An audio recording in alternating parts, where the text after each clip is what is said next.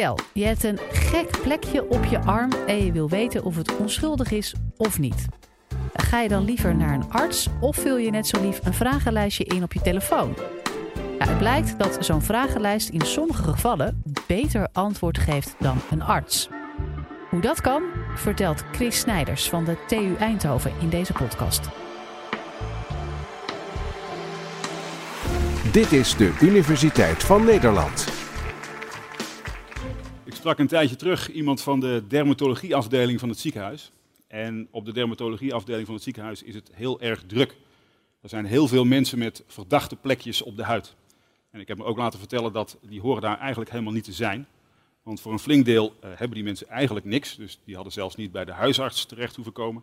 En voor een deel hebben ze iets wat de huisarts wellicht had kunnen verhelpen. En de vraag aan mij was eigenlijk, kunnen we misschien iets aan die diagnose doen, dat dat beter gaat uh, dan nu? Had ik eigenlijk nog maar één probleem over, en dat is, uh, ik weet helemaal niks van dermatologie. Ik heb zelfs geen enkele medische achtergrond, maar ik dacht toch dat ik daar uh, iets over zou moeten kunnen zeggen. En dat wil ik gaan proberen. en waar ik wel wat vanaf weet, dat is over besliskunde. De manier waarop mensen beslissingen nemen en hoe je dat ook zou kunnen verbeteren. En om nou een beetje gevoel te geven van het soort resultaten dat we daar kennen, wil ik beginnen met een voorbeeld. Stel je maar voor, je hebt 100 patiënten. Uh, die hebben allemaal ernstige hart- en vaatklachten. Dusdanig ernstig dat we ons af moeten vragen of die het komende jaar nog wel halen. En nu gaan we een inschatting proberen te maken. En die inschatting op zich is belangrijk. Sowieso belangrijk, hè, hoe lang je nog leeft. Maar ook als je weet dat je nog weinig tijd hebt, wil je misschien minder tijd besteden aan extra therapie of aan medicijnen. En we vergelijken twee situaties. De ene is, je laat de behandelend arts inschatten hoe lang iemand nog ongeveer heeft. Die kent de casus en probeert zo goed en zo kwaad als het gaat een inschatting te maken. De andere is, we doen dat niet, we kijken alleen naar gegevens van mensen die we al eerder hebben gezien met soortgelijke klachten. En we geven het, uh, de gegevens aan een statisticus. Die statisticus kent de hele persoon niet, maar probeert een redelijke inschatting te maken. Nou, die studie is ook gewoon gedaan. En wat blijkt? In dit geval, het model doet het veel beter dan de menselijke expert. Nou is dat misschien maar uh, toevallig, hè, is maar één voorbeeld. Maar er zijn veel meer van dat soort studies gedaan. En met dat soort studie bedoel ik uh, een studie waarbij je aan, uh, moet proberen iets te beslissen, maakt eigenlijk niet uit wat. Niet eens per se iets medisch. Het kan ook zijn de kans dat je huwelijk de komende vijf jaar overleeft. Of de kans op recidive bij misdaad. Er zijn heel veel verschillende studies geweest, honderden. En die vallen in drie groepen uiteen. De eerste groep is, daar doet de menselijke expert beter. De tweede groep is ongeveer even goed. En de derde groep is, hier doet het model het beter. Dan kunnen we misschien even om een beetje gevoel te krijgen voor hoe dat ongeveer ligt, uh, proberen een inschatting te maken van de 100 studies. Hoeveel studies zijn er nou eigenlijk waarbij de menselijke expert wint? Het enige correcte antwoord is nul. Als in helemaal nooit. Uh, ik smokkel een beetje, want het is eigenlijk een paar procent. Nou ja, laten we die maar weglaten. Het komt eigenlijk erop neer, mensen winnen dat zo goed als nooit. En dat is eigenlijk wel gek, want moet je ook maar voorstellen dat je een van die uh, patiënten bent. Zo'n patiënt van zo'n uh, chirurg en die zich afstaat te vragen, ja, uh, de inschatting is, ik denk een jaar en drie kwart, of de inschatting is twee maanden. En je moet nu zelf kiezen, wil ik het horen van mijn eigen behandelend arts, of wil ik het horen van de statisticus? En je hele intuïtie schreeuwt, ja, ik moet gewoon mijn behandelend arts nemen, maar het is eigenlijk fout. Je kunt beter die statisticus nemen. Nou, hoe komt het nu dat mensen het moeilijk hebben in dit soort één-op-één wedstrijdjes met modellen? Er zijn een aantal redenen voor, en daar wil ik er twee van uh, langslopen. De eerste reden is, nou kun je eigenlijk zelf vrij makkelijk zien. Ga internet op, zoek op Wikipedia naar decision-making biases. Dat is Engels voor allerlei manieren waarop wij niet goed beslissen. Ik heb ze niet precies geteld, maar daar staan ongeveer 100 manieren waarop mensen het niet goed doen. En ik weet niet precies wat goed beslissen is, maar het zal toch iets te maken hebben met dat je uh, goed onthoudt op het juiste moment de boel weer terughaalt en de boel dan verstandig combineert. Nou, dat zijn precies drie dingen waar mensen heel slecht in zijn en modellen heel goed. Dus dat suggereert al een beetje hoe het zou kunnen komen dat mensen uh, dit afleggen.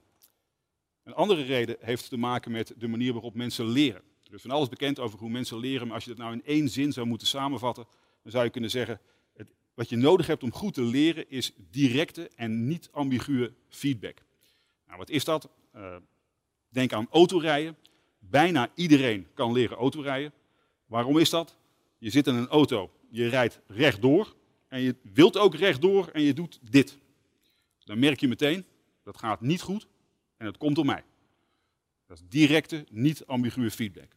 Denk terug aan die arts die probeert in te schatten hoe lang heeft deze persoon nog te leven. Ja, dat duurt nog maanden wellicht, dus je hebt geen directe feedback, duurt nog even. En in de tussentijd kunnen er ook allerlei dingen gebeurd zijn, allerlei andere factoren van invloed zijn op waarom diegene overleden is. Zodat je zelf makkelijk kunt denken, ook als je het eigenlijk fout had, van nou ik zat eigenlijk toch wel goed. Toevallig liep hij tegen een boom aan of iets dergelijks. En dat leert niet makkelijk. Dat uh, ziet er een beetje beroerd uit voor mensen zo langzamerhand. Dus de zoektocht is naar wat kunnen mensen dan wel goed. En er zijn eigenlijk niet zo heel veel goed gedocumenteerde voorbeelden waar mensen echt het beste uit zichzelf naar boven halen, uh, kan ik wel zeggen. Zijn twee voorbeelden die het best gedocumenteerd zijn. De eerste is uh, vliegtuigspotten. Nou, het zou me verbazen, maar hebben we toevallig een vliegtuigspotter in de zaal?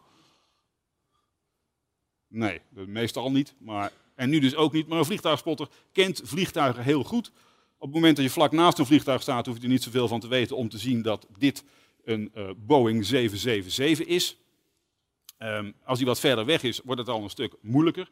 En een echte vliegtuigspotter ziet al heel ver weg in de lucht een soort vaag vlekje op hem afkomen en weet, hé, hey, dat is een Boeing 777. Vraag je aan diegene, hoe weet je dat nou? Weten ze vaak niet, ja, ik weet het niet, ik zie het gewoon. Zo'n vlekje, zo'n Boeing 777, weet ik. Dat is het eerste voorbeeld. Het tweede voorbeeld is uh, van een wat andere aard. Ook een voorbeeld waar uh, mensen heel goed in zijn. Dat is uh, kuikenseksen. Kuikenseksen, dat is geen seks met kuikens, dat is een bak kuikens nemen en ze sorteren in de mannetjes en de vrouwtjes apart. Tegenwoordig schijnt dat wat makkelijker te gaan, omdat al vrij kort na de geboorte kun je die beestjes herkennen, gewoon puur op uiterlijkheden. Maar het grootste deel van de vorige eeuw was dat nog helemaal niet zo. De eerste uh, publicatie daarvan was van een Japanner, Masui, uh, in 1933. En die heeft in detail uitgevlooid hoe je dat moet doen. En de manier om het te doen is, uh, je pakt een kuikentje, pootjes naar beneden, je knijpt er een beetje in. Niet te zachtjes, want er gebeurt er niks. Ook niet te hard natuurlijk, want dan hoeft het niet meer. Uh, je knijpt er een beetje in, dan valt er wat poep uit. Dat is ook precies wat je wil. Kuikentje omdraaien, de cloaca voorzichtig openmaken en dan zie je ja, een soort van bultje. Uh, een bultje wat nog steeds vrij lastig te diagnosticeren is. De twee foto's aan de linkse kant, uh, dat is een mannetje. En de twee foto's aan de rechtse kant, dat is een vrouwtje. Dus het is nog steeds niet zo makkelijk om deze uit elkaar te houden. En uh, Masui die had een trainingsprogramma voor voornamelijk Japanners. Uh, waarbij je in staat moest zijn om in een half uur 100 van die dingen te determineren. En dan 92% correct te hebben. En als je dat haalde, kreeg je een certificaat, was je een uh, top kuikensekser. Maar dit op een hoop gaf mij wel precies de reden waarom ik hier iets wou doen. Die modellen doen het goed, over het algemeen, dat wist ik al. Uh, en ik wist ook de standaard voorbeelden waarbij mensen het goed doen, dat zijn dingen als naar een vlekje in de lucht kijken. Of naar een soort bultje in een kuiken kijken. En ik was bezig met die diagnose van die uh, verdachte vlekjes. Ik denk, ja, vlekjes kijken. Dit is mijn kans. Er kunnen twee dingen gebeuren. Of ik kan er een model voor maken. Nou prima, dan heeft het ziekenhuis een uh, oplossing. Uh, of het lukt niet, hè, het model doet het niet zo goed en de menselijke expert doet het beter. Nou, dan heeft het ziekenhuis er weliswaar niks aan, maar ik wel, want ik kan dat publiceren als zeg maar, het derde geval waarin mensen heel erg goed zijn. de volgende vraag is natuurlijk, hoe doen we dat? Nou, daar heb ik het mezelf eerst ietsje makkelijker gemaakt uh, door maar twee soorten plekjes te nemen. Uh, actinische keratose is de ene en de andere is basaalcelcarcinoom. Nou, ik wil het niet in detail hebben over wat dat nou precies is. Maar even uh, losjes, actinische keratose, dat krijg je als je te veel in de zon hebt gezeten. Het zijn een beetje gelige vlekjes over het algemeen. Het komt steeds vaker voor en vooral in landen waar mensen vaak in de zon zijn. Bijvoorbeeld in Australië, waar vaak de zon schijnt. en waar mensen ook veel buiten zijn. Daar is het zo dat uh, de inschatting is 40% van de mensen boven de 40 heeft actinische keratose plekjes. Um, zowel actinische keratose als basaalcelcarcinoom zijn voorstadia van huidkanker, dus het is nog geen huidkanker. Dus het is nog niet zo heel erg, maar je wil het niet hebben. Je wil er wel vanaf. Uh, nou is de vraag, wat voor soort model zou ik nou maken om uh, te proberen dit te diagnosticeren? Want ik heb het wel over modellen gehad, maar misschien zijn die dingen wel enorm ingewikkeld. Uh, de makkelijkste modellen, die kennen we uit bladen. Uh, daar staan over het algemeen allerlei testjes in. Uh, testjes van de soort, bijvoorbeeld, bent u romantisch? Je vriendin is jarig, welk cadeau geef je? Mogelijkheid A is een heggenschaar. Mogelijkheid 2 is een bier- of wijnpakket. En mogelijkheid C is een weekendje Parijs. Nou, in dit geval, de heggenschaar levert je geen punten op. En je krijgt meer punten voor uh, het weekendje Parijs. En het idee is hoe meer punten je scoort, hoe hoger op de romantische ladder je staat en uh, hoe romantischer je bent. Nou geloof ik helemaal niks van die testjes uh, in dat soort bladen over het algemeen. Maar die gedachte die is op zich wel goed. Want veel van die modellen, die ook bekeken zijn en vaak winnen, die zijn heel eenvoudig en van die soort. Verzin een lijst met vragen waarvan je denkt dat ze van belang zijn voor het onderwerp. En geef exact de goede punten aan de verschillende antwoordmogelijkheden. Dus precies dat heb ik ook gedaan. Um, eerst simpelweg in de literatuur en op internet gekeken. Welke dingen hangen nou samen uh, met actinische keratose en basaalcelcarcinoom. Uh, bijvoorbeeld of het jeukt of niet, wat voor kleur het is, of je veel in de zon hebt gezeten, dat soort vragen. Kwamen aan een lijst van 20 stuks. Daarna ben ik naar dermatologen toegestapt. Oké, ik heb deze lijst van 20. Weet je er misschien nog meer? Kreeg ik er nog 15 bij. Hadden we een lijst van 35 factoren. Hebben we vervolgens die 35 factoren gemeten bij een paar honderd mensen. En gemeten of ze daadwerkelijk actinische keratose of basaalcelcarcinoom hadden. Simpel zat. Uh, punten eraan toegekend, modelletje gemaakt en dat was het. En we hebben dat nu ook. Het staat op internet. Het uh, heet Oldspot, Engels voor raar plekje. Dus je kunt naar de website om dat uh, zelf te toetsen. Je kunt ook, als je een iPhone hebt, de iOS-app installeren. Uh, zodra Android 7 er is, kun je ook de Android-app installeren. Die is nog niet helemaal af. Maar in principe hebben we dit gewoon helemaal klaar. Nou, vervolgens natuurlijk, hoe goed werkt dat nou eigenlijk? Want ja, ik had wel iets gemaakt, maar je wil natuurlijk wel een soort gevoel hebben voor of het geholpen heeft, of niet. hebben we netjes gedaan. En je kunt mooi op een rij zetten wie dat goed en minder goed kunnen en waar het model dan ongeveer zit. Helemaal aan het uiteinde, aan de beroerste kant, zal ik maar zeggen, zit de huisarts. Die doet dat ook het minst vaak en heeft ook eigenlijk niet de taak om dat te diagnosticeren, alleen maar om door te sturen of niet. Die scoort niet zo heel erg goed. Daar gaan we met ons model vrij makkelijk voorbij. We doen het ongeveer even goed als een getrainde verpleegkundige op de dermatologieafdeling en een haar minder goed dan een echte dermatoloog. Dus het is eigenlijk voor mij jammer, zou je kunnen zeggen. Het is niet geworden uh, wat ik ook nog had gehoopt wellicht. Zo'n derde case waarbij we duidelijk zien, mensen kunnen dit veel en veel beter. Dit model is eigenlijk vrij aardig.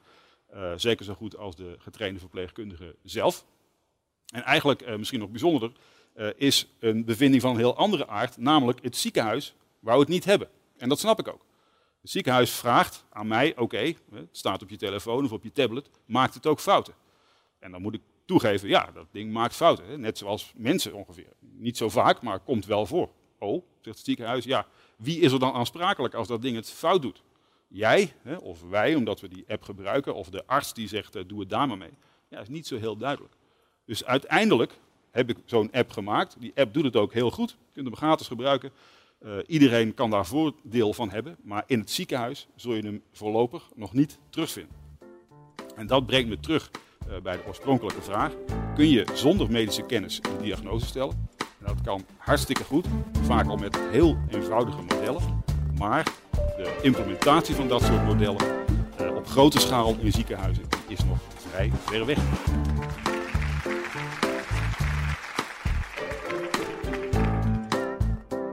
Dit was de Universiteit van Nederland. Wil je nou nog meer wetenschappelijke antwoorden op spannende vragen? Check dan de hele playlist.